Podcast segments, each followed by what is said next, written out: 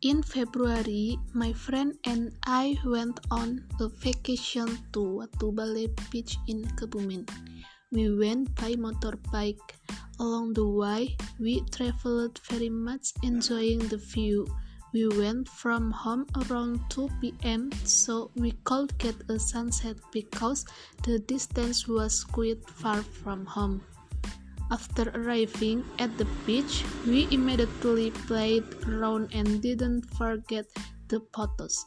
At Watubale Beach, there were also various interesting photo spots.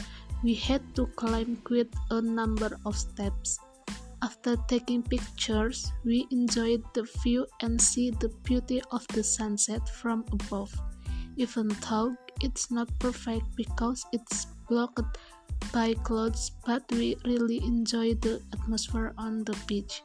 After playing with sand, water, and photos, we hurried home because it was night. On the way, we stopped by a place to eat to fill an empty stomach because at the beach there are no sellers who sell. Not long after eating, we continued our journey and until 9 pm at night.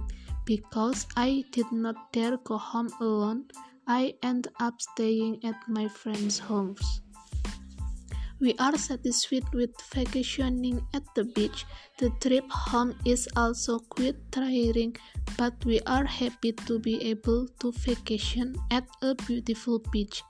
This is a very pleasant and memorable vacation for me because I can go with my close friend and this holiday I will never forget.